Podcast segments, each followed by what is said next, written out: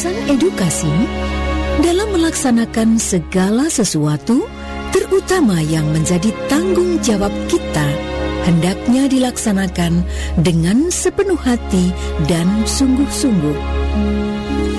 Sudahkah kita melakukannya?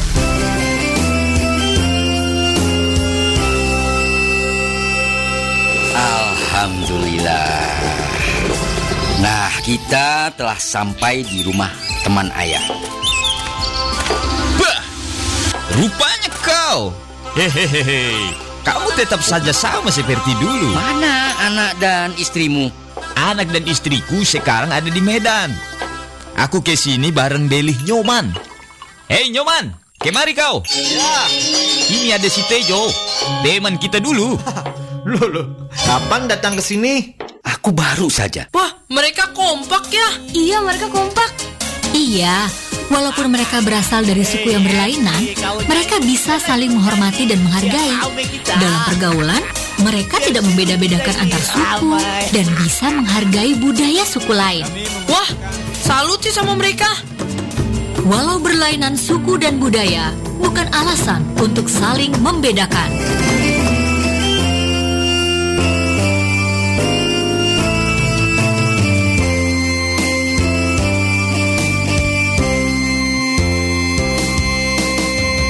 Kata Mutiara karya Howard W. Newton. Kalau seseorang menyalahkan orang lain ketika ia mengalami kegagalan, sebaiknya ia juga menyatakan bahwa orang lainlah yang berjasa kala ia sukses. Edukasi, kita diajak untuk bersikap adil, baik terhadap diri sendiri maupun orang lain. Tidak menyalahkan orang lain saat kita gagal, begitu juga menghargai peran orang lain saat kita berhasil.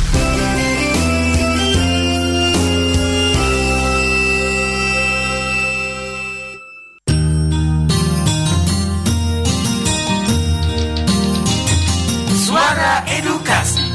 Frekuensi 1440 AM Radio yang akrab dan mencerdaskan.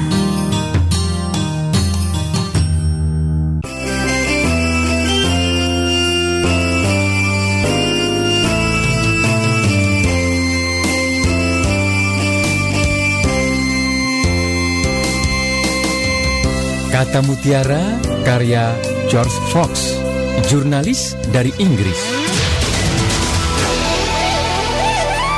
Jangan berjalan di depanku. Aku mungkin tidak mampu mengikutimu. Jangan berjalan di belakangku. Aku mungkin tak sanggup memimpinmu. Berjalanlah di sampingku dan jadilah sahabatku selamanya.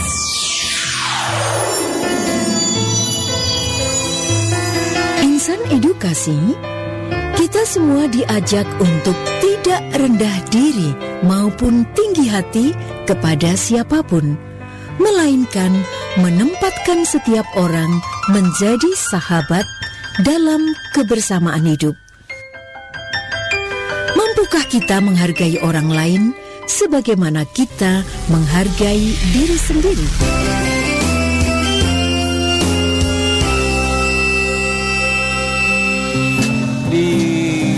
Perbook 113 ini Ayo, nonton dulu ya. Habisin bandwidth aja. Bawel ah. Bilangin pade loh. Sudah ah. Sana sana sana. Gangguin aja. Lah, tugasnya kan nonton siaran budaya TVA yang episode kemarin. Bukan hari ini. Kemarin kan aku sakit. Jadi baru bisa ngerjain hari ini. Emang bisa? Bisa lah. Lewat VOD. Caranya gimana? Gini, kita buka laman TV Edukasi di tve.kemdikbud.go.id. Kemudian kita login. Lalu pilih saja judul program yang akan kita tonton.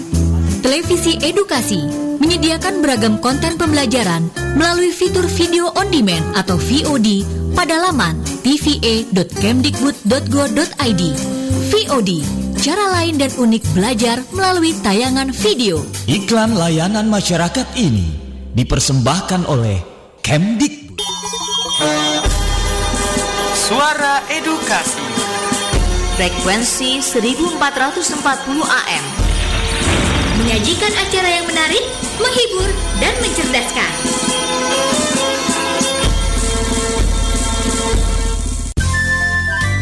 Waktu berputar dan perjalanan peristiwa pun berjalan. Ikuti terus info edukasi, sebuah informasi pendidikan dari Radio Edukasi. Info Edukasi, informasi pendidikan Radio Edukasi. Langsung dari Jalan RE Marta Dinata Ciputat 1440 AM Suara Edukasi Akrab dan Mencerdaskan. Halo halo halo. Assalamualaikum warahmatullahi wabarakatuh. Selamat siang sahabat edukasi. Aku Ramadi kembali menyapa Menemani sahabat edukasi Dan kita masih sama-sama di masa pandemi nih sahabat edukasi. Harus tetap waspada Taat protokol kesehatan Gunakan masker Dan rajin mencuci tangan Lalu juga menjaga jarak agar kita terhindar dari paparan virus corona. Baik, info edukasi akan hadir kurang lebih 30 menit ke depan untuk membawakan informasi-informasi terkini terupdate dari dunia pendidikan dan langsung saja kita simak informasi yang pertama. Info. Informasi pertama terkait sinergi mendorong untuk layanan pendidikan anak usia dini yang berkualitas di Provinsi Nusa Tenggara Timur. Pemerintah Indonesia menunjukkan komitmennya untuk memprioritaskan perkembangan anak usia dini dan juga tentunya melalui akselerasi berbagai program anak usia dini di Direktorat Jenderal Pendidikan Anak Usia Dini, Pendidikan Dasar dan Menengah, Kementerian Pendidikan Kebudayaan Riset dan Teknologi untuk mendorong peningkatan layanan PAUD yang berkualitas di Indonesia, khususnya di Provinsi Nusa Tenggara Timur, Kemendikbudristek menggandeng Barn Fonden sebuah organisasi non-pemerintah dari Swedia yang berfokus kepada isu anak. Dan ini adalah juga salah satu anggota aliansi dari Child Fund dengan kerjasama yang dikemas di proyek bertajuk penguatan masyarakat sipil dan akuntabilitas sosial untuk peningkatan akses layanan PAUD ramah anak yang inklusif dan berkualitas yang dilaksanakan di Kabupaten Kupang, Sumba Timur, Sumba Barat Daya, Provinsi Nusa Tenggara Timur ini yang diinisiasi sejak Juni 2018 dan berakhir di Mei 2021. Program yang dikenal dengan nama Program PAUD Ramah Anak ini telah menuntaskan misinya dan hasilnya yang disampaikan dalam loka karya bertajuk Dampak dan Evaluasi atas sebuah proyek kolaborasi berlangsung secara hybrid. Hybrid yaitu melalui daring dan juga luring di Kupang pada 25 Mei kemarin. Koordinator Bidang Penilaian Direktorat PAUD Lestari Kusuma Wardani dalam sambutannya mewakili Direktur Jenderal PAUD Dikmas Dikmen menyampaikan apresiasi dengan terlaksananya lokakarya karena sejatinya pendidikan bukan hanya tugas pemerintah namun menjadi tugas dari keluarga dan masyarakat. Dan ia menambahkan kalau memang nanti hasilnya baik maka praktek-praktek baik yang akan disampaikan dari teman-teman yang ada di Kupang atau daerah-daerah lain yang menjadi coba, mungkin hal baik kami akan dijadikan contoh untuk yang lain. Di kesempatan yang sama, program manajer perwakilan kantor Uni Eropa Destriani Nugroho menyambut baik kegiatan lokakarya yang dilaksanakan murid-murid dan ia mengatakan untuk eh, ini murid-murid juga memiliki aspek psikomotorik yang baik, mampu bersosialisasi dan mampu bekerja sama dengan sesama temannya. Lalu juga diharapkan memiliki kemampuan berkonsentrasi dan kesabaran, memiliki rasa hormat kepada orang tua sejak dini, dan masih banyak lagi manfaat dari pendidikan PAUD tentunya.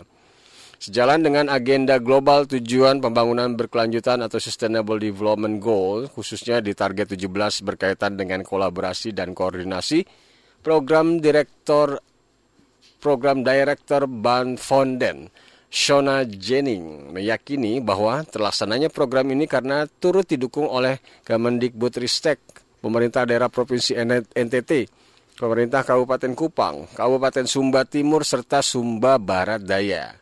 Ia mengatakan ucapan terima kasihnya kepada semua pihak pemerintah dan para pimpinan di desa-desa yang ada di lokasi dan juga tentunya para guru PAUD, juga orang tua yang sudah membuat proyek ini berhasil dan semua ini dilakukan dengan kerja keras.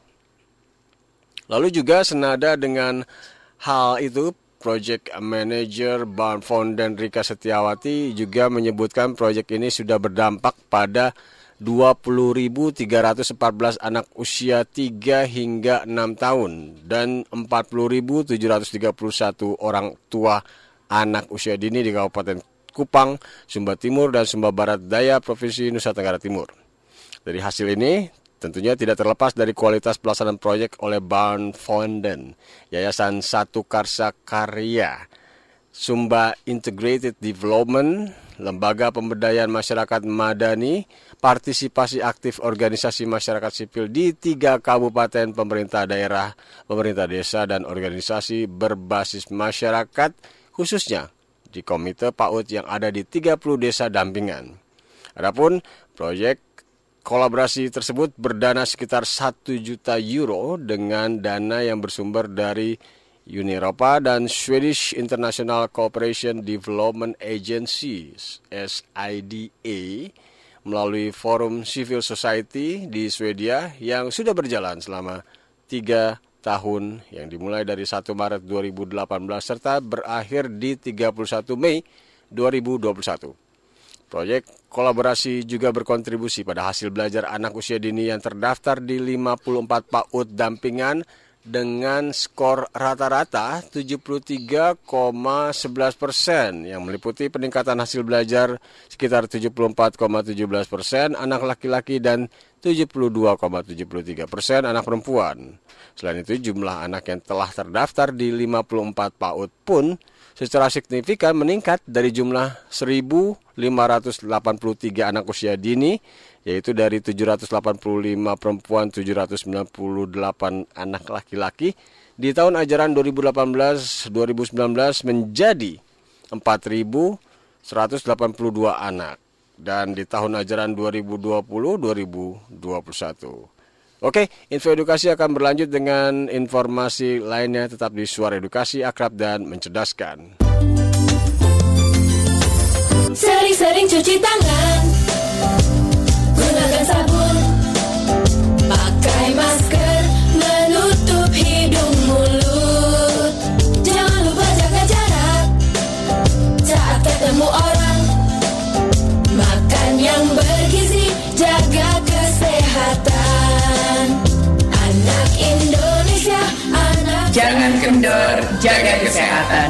Halo sahabat karakter kalau kita mendengar kata gotong royong, pasti sudah sangat familiar ya dalam kehidupan sehari-hari.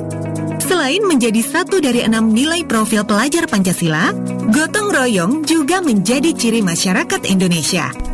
Pelajar Indonesia yang baik akan mampu bekerja sama dengan sukarela agar sebuah pekerjaan terasa lebih ringan demi tercapainya tujuan bersama. Gotong royong sendiri mempunyai beberapa elemen kunci nih Pertama, saat bekerja sama. Profil pelajar Pancasila akan selalu merasa senang dan memberikan energi positif di setiap kegiatan. Kedua, ia juga akan bersikap proaktif, tetapi tetap peka dan memperhatikan kondisi lingkungan sekitar.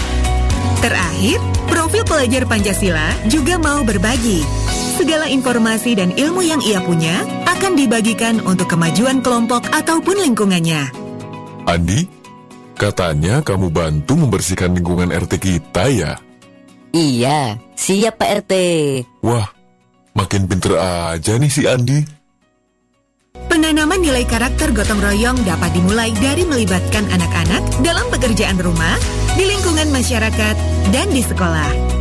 Dimulai dari hal kecil dan sederhana, namun manfaatnya sangat besar. Lama-kelamaan bisa menjadi kebiasaan dan melekat sepanjang hayat loh. Kamu gimana? Sudah bersemangat gotong royong hari ini?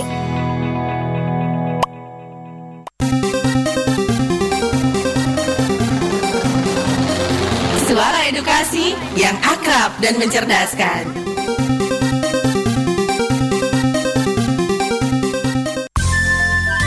Waktu berputar dan perjalanan peristiwa pun berjalan.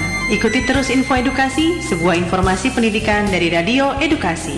Info Edukasi, informasi pendidikan Radio Edukasi. Aku Ramadi masih mengawal info edukasi di 1440 AM Suara Edukasi Akrab dan Mencerdaskan yang juga bisa didengarkan di laman suaraedukasi.kemdikbud.go.id atau dengan mengunduh aplikasi bernama TV Edukasi di gawai sahabat edukasi bernama TV Edukasi tadi lalu klik menu Suara Edukasi maka Suara Edukasi bisa didengarkan 24 jam nonstop.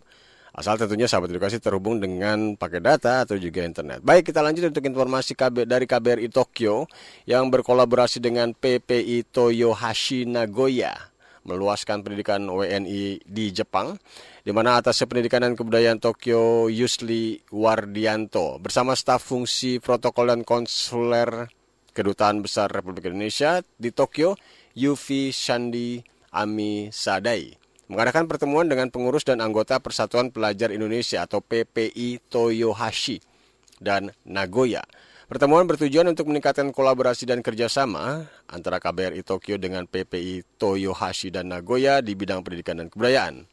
Dan harapannya Adikbud Yusli menyebutkan semoga dengan pertemuan yang hangat dan produktif ini selaku orang tua dari KBRI Tokyo ini tentunya bisa terus bersilaturahmi dengan anak-anak yang ada di PPI tentunya sehingga bisa berkolaborasi dan bekerja sama untuk memajukan pendidikan dan kebudayaan Indonesia.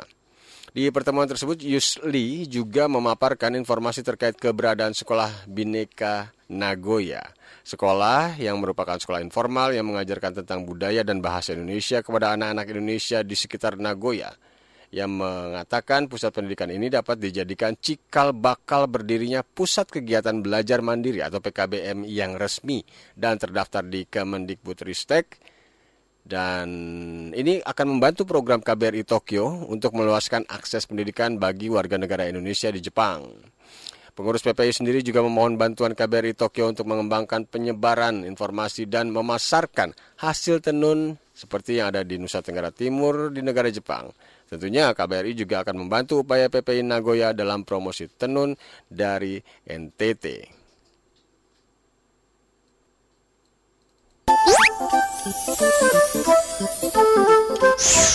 Halo sahabat Dikbud, di masa kebiasaan baru seperti sekarang ini, ingat selalu pesan ibu. Keluar rumah kalau penting saja ya nak, ingat untuk selalu 3M. 3M itu mudah dilakukan dan bisa mencegah penyebaran virus corona. Menggunakan masker, mencuci tangan dengan sabun dan air mengalir, menjaga jarak. Sahabat Dikbud, kalau kamu sayang keluarga, jangan bawa virus ke rumah ya. Ingat pesan ibu, ingat 3M. Ex-champion Pigland Thomas challenges Mike terus Tyson for the hajar. heavyweight championship. Las Vegas, 30th of May, Mike. Lady 7. Ih, ayah, hajar-hajar aja. Ayah sedang nonton tinju Seru nih Aku juga punya hajar yang jauh lebih seru ya. Hajar yang lebih seru Kamu berkelahi Bukan ayah, tapi Ki Hajar. Kita harus belajar. Kita harus belajar Apa itu? Ki Hajar adalah ajang kompetisi antar pelajar untuk tingkat SD, SMP, SMA, atau yang sederajat melalui siaran televisi edukasi dan TV lokal. Nah, untuk ikut Ki Hajar harus registrasi dahulu melalui SMS. Ayo hajar, hajar Ayo hajar Ih, kok jadi ayah yang bersemangat? Iya dong Anak ayah harus bisa berprestasi di ajang Ki Hajar Ah, ayah bisa aja. Ayo, ikuti kompetisi Ki Hajar sekarang juga.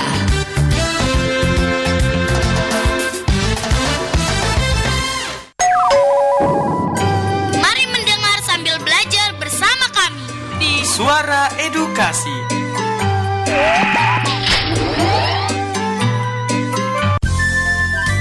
Waktu berputar dan perjalanan peristiwa pun berjalan.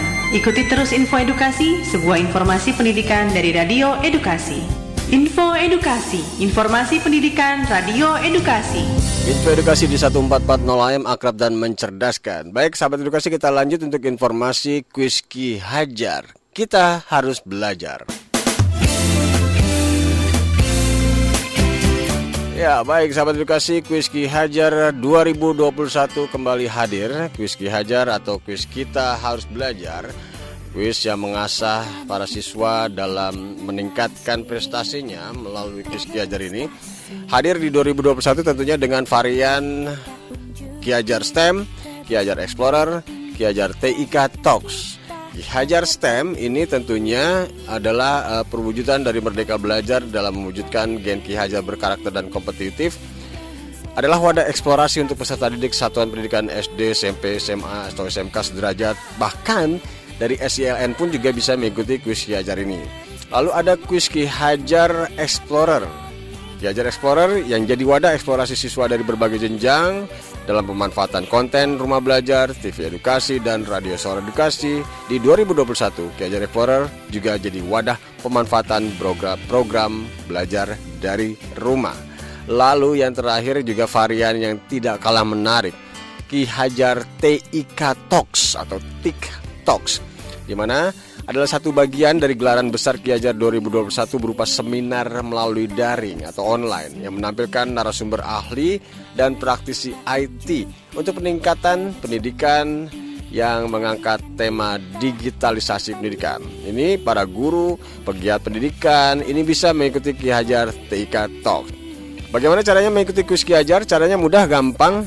Akses saja web atau laman kihajar.kemdikbud kihajar.go.id. Sekali lagi kihajar.kemdikbud.go.id. Di sana untuk pendaftaran bisa diklik menu pendaftaran, lalu ada pengumuman, lalu ada juga statistik. Di sana ada informasi terkait siapa saja yang sudah mendaftar, lalu juga dari mana saja Kihajar yang sudah siap ikut kuis Kihajar ini. Jadi Jangan sia-siakan kesempatan di 2021 ini di masa pandemi kita harus tetap berus berprestasi walaupun di rumah, walaupun work from home, school from home, bekerja, sekolah di rumah, tetap bisa berprestasi bagi Gen Ki Hajar. Jadi, ayo sahabat edukasi ikuti kuis Ki Hajar di 2021 ini dengan mengakses kihajar.kemdikbud.go.id. Mari ikuti kuis Ki Hajar, kuis kita harus belajar.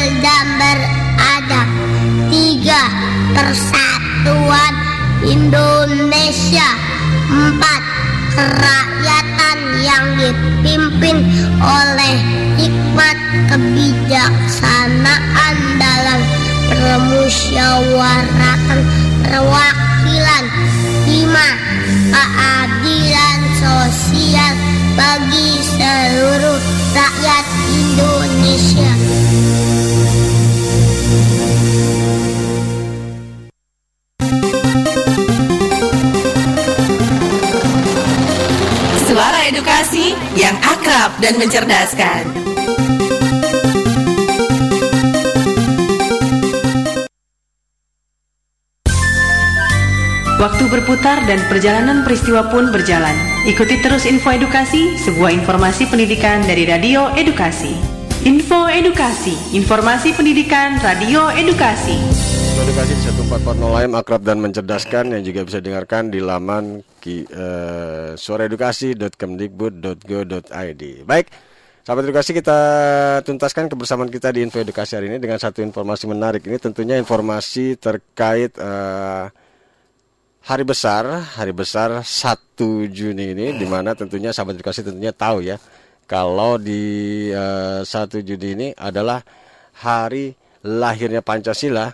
Ada informasi terkait uh, Hari Lahir Pancasila dari negeri seberang, di mana tentunya tiga sekolah asal uh, yang ada di Arab Saudi, SILN, Sekolah Indonesia Luar Negeri di Arab Saudi ini meriahkan hari lahir Pancasila melalui lomba-lomba dan tiga sekolah Indonesia luar negeri yang ada di Riyadh, di Jeddah, dan Mekah, Arab Saudi ini turut memperingati hari lahir Pancasila lewat beragam lomba seputar Pancasila dan juga tentunya webinar. Dan sahabat edukasi, uh, untuk informasi ini tentunya atas pendidikan dan kebudayaan Riyadh uh, Ubaidillah mengatakan pentingnya nilai-nilai Pancasila tentunya harus terus ditanamkan kepada seluruh warga negara Indonesia walaupun di perantauan khususnya kalangan pelajar. Ia mengatakan tentunya uh, ia mengatakan cukup bangga dengan bangga dengan Pancasila harus terus dipupuk di kalangan siswa-siswi dan keluarga besar sekolah Indonesia luar negeri di Arab Saudi. Dan dalam memeriahkan dalam memeriahkan acara atau juga uh, kegiatan hari lahir Pancasila ini banyak lomba digelar di SILN Jeddah atau juga dikenal dengan Sekolah Indonesia Jeddah yang dihelat melalui lomba video berdurasi 1 hingga 3 menit yang diikuti siswa kelas 7, 8, 9, 10, dan 11 sebagai ajang siswa yang angkat bicara soal makna Pancasila dan merefleksikan penerapan Pancasila dalam kehidupan. Dan sahabat edukasi di live Instagram kami juga terhubung dengan salah satu siswa langsung nih sahabat edukasi, langsung dari uh, siswa sekolah Indonesia luar negeri yang ada di Jeddah. Kita sapa saja langsung. Halo, assalamualaikum Hasanah, betul ya Hasanah ya? Oke. Ya betul Kak Hasanah. Oke Hasanah, uh, Hasanah boleh sedikit memperkenalkan uh, diri uh, informasinya untuk uh, apa namanya? Hasanah ini kelas berapa dan uh, Hasanah Hasan Besuni betul ya? Boleh diinformasikan kelas berapa ya, ini? betul. Uh, Hasan sekarang kelas uh, 11 Kelas 11 ya? Kelas Jeddah hmm. di Arab Saudi. Ya. Jurusan? Jurusan apa? Jurusan IPA, Kak. Jurusan IPA. IPA, IPA. Oke, Hasanah, suasana belajar ya uh, sekolah Indonesia. Oh ya sebelumnya ini di sana jam berapa nih? Di Jeddah jam berapa sekarang? Uh, sekarang pukul 9 pagi kak. 9 pagi ya, oke. Okay. Dan uh, di sana yeah. di sana libur juga ya, tanggalan merah juga ya? Uh, ya sekarang udah libur kak. Uh, tetapi lagi sibuk-sibuknya nih mempersiapkan ber berbagai lomba. Oh, untuk lomba-lomba yang ada uh, terkaitannya dengan Hari Lahir Pancasila atau atau seperti apa?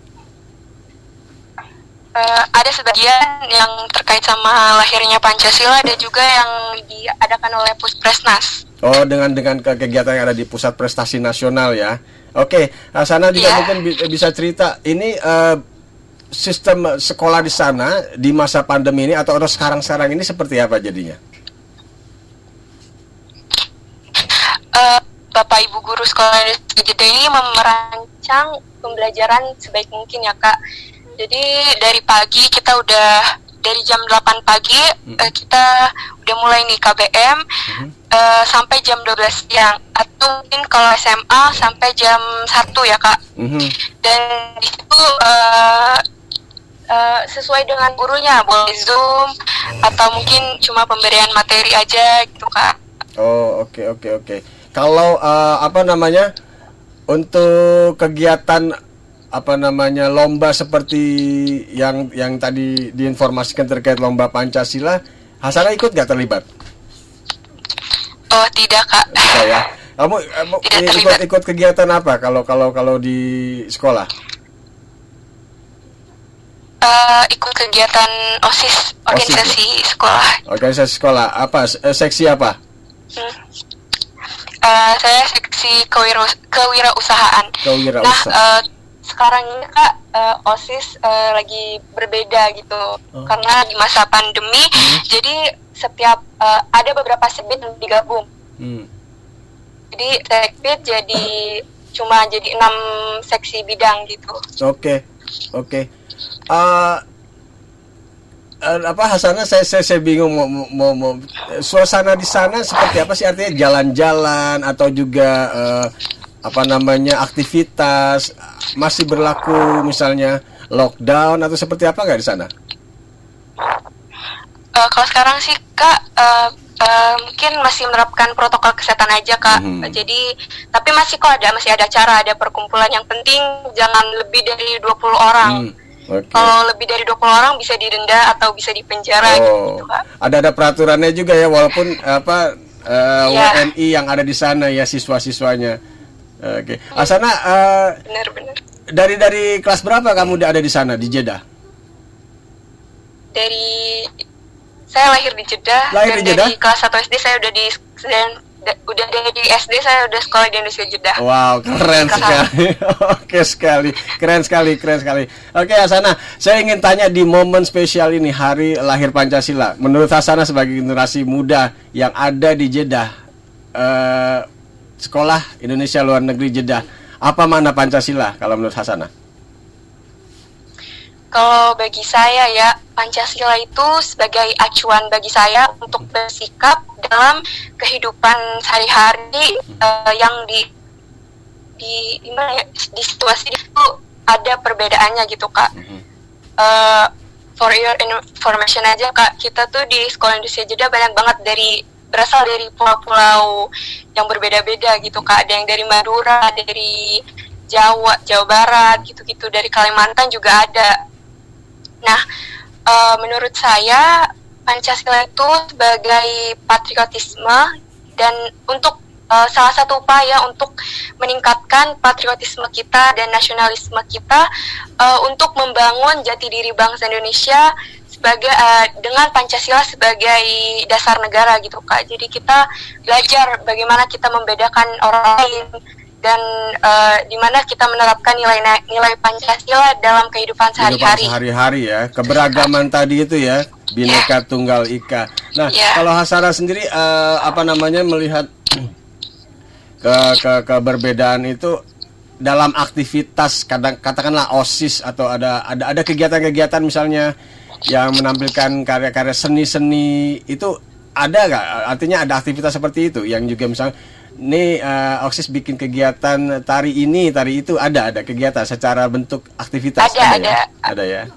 oke Iya ada. ada ya Eh eh, kalau sendi apa ada ada eh, ya ada eskul tari di mana eh, siswa-siswi SIJ di situ yang menari dan mereka berkreativitas sebagus mungkin gitu. Mhm. Oke. Eh, untuk pembelajaran belajar kalau di sekolah Indonesia luar negeri Jeddah itu menggunakan eh, bahasa apa? Pastinya bahasa Indonesia, Bahasa Indonesia ya. kurikulum Oke, keren. eh, Kemendikbud. Tapi kamu nggak nggak nggak nggak nggak apa namanya nggak canggung ya bisa berbahasa Indonesia dengan fasih saya saya lihat. Tapi tetap bisa berbahasa bahasa Arab Iya. bisa ya. Eh, kalau bahasa Arab, insya Allah bisa. Insya. Allah bisa. Bagaimana kalau misalnya menyapa eh, pendengar radio suara edukasi eh, agar misalnya ayo terus dengarkan suara edukasi menggunakan bahasa Arab. Aduh, eh, saya coba-coba deh kak. coba. Eh, eh, marhaban suara edukasi. Eh, هيا بنا نستمع في هذا الراديو لا تنسوا أن gimana ya kak? Aduh, jadi lupa. nggak apa-apa. Kadang-kadang kalau tiba-tiba ditodong, kalau tiba-tiba ditodong jadi kaget. Oke, eh, terakhir eh, Asana tahu kuis Ki Hajar kan? Eh, iya tahu kak. Oke, apa yang, yang apa yang sudah kamu tahu kuis Ki Hajar itu? Eh, salah satu lomba yang diadakan oleh Pusdatin. eh, ya. Pustekom. Ya. Oke. Salah satu alumninya itu salah satu alumninya eh, Mang Viro itu hadir di tahun 2019 kalau nggak salah ya. Dori- Iya 2019 hadir sebagai eh, finalis dari Sekolah Indonesia Luar Negeri yang ada di Jeddah. Kira-kira eh, tertarik mau ikut? Tertarik sih kak. Insya Allah ya. Tinggal akses saja laman atau web kihajar.kemdikbud.go.id karena di sana ada ada ada kuis yang namanya Ki Hajar. Kita harus belajar. Jadi untuk sekolah Indonesia luar negeri juga bisa ikut kuis Ki Hajar di sana. Oke, pesannya untuk para generasi muda di eh, momen spesial hari lahir Pancasila ini dari Hasanah yang ada di sekolah Indonesia luar negeri di Jeddah apa? Silakan sebagai closing statement. Oke, eh, tetap eh, pastinya tetap semangat dan tetap memperkuat apa nilai-nilai Pancasila pada dan menanamkan nilai-nilai Pancasila pada diri kita sendiri karena uh, tentunya hal ini sangat bermanfaat bagi kita dan bagi bangsa dan negara. Oh, Itu aja sih kak. Oke, Hasanah Hasan Besuni dari Sekolah Indonesia Luar Negeri yang ada di Jeddah, kelas 11 IPA. Itu ada juga yang komen tuh tadi. Mak Viro sama Kak Walid ya yang ikut ya waktu itu yang datang ke ke Jakarta. Oke deh, sukses terus dan juga salam dari tanah air. Suasana di sana lagi apa? Lagi panas dingin? Panas banget. Panas banget ya. Oke, oke okay deh. Sukses terus dan juga uh, jaga kesehatan, taat protokol kesehatan ya. Oke, okay, Hasanah terima kasih banyak. Wassalamualaikum warahmatullahi wabarakatuh. Waalaikumsalam warahmatullahi wabarakatuh. Oke. Okay. Sama-sama. Sahabat edukasi kita sudah ngobrol-ngobrol dengan Kakak Hasan Hasan Besuni kelas 11 IPA. Kak Hasanah ini uh, bersekolah di Sekolah Indonesia Luar Negeri jurusan IPA dan tentunya uh, momen spesial ini, momen Hari Lahir Pancasila, Sekolah Indonesia Luar Negeri, salah satunya di Jeddah, ini mengadakan lomba yang berlangsung dari 29 sampai 30 Mei 2021, di mana setiap siswa mengunggahnya lewat kanal YouTube pribadi masing-masing. Lalu video terbaik dari setiap kelas dipublikasikan melalui media sosial di 1 Juni 2021. Lomba video juga tentunya bermanfaat memberikan masukan pada sekolah untuk mengevaluasi upaya-upaya internalisasi nilai-nilai Pancasila dalam pembelajaran yang ada di sekolah. Baik, sahabat edukasi dengan demikian tuntas sudah kebersamaan kita di Info Edukasi hari ini dan momen spesial Hari Lahir Pancasila ini mari kita sama-sama terus tanamkan nilai-nilai Pancasila dalam kehidupan sehari-hari di mana tadi sudah disebutkan kebinekaan itu jadi bagian negeri kita memang banyak sekali pulau-pulau dan juga banyak sekali suku ragam uh, bahasa bahkan ini hadir di negeri tercinta kita Indonesia. Baik, aku Namadi pamit. Nantikan terus update-update terkini dari dunia pendidikan dan kebudayaan melalui suara edukasi yang akrab dan mencerdaskan. Keep safe, sahabat edukasi jaga protokol kesehatan, dan tentu saja sahabat edukasi ingat pesan ibu. Wassalamualaikum warahmatullahi wabarakatuh. Bye-bye. Info edu.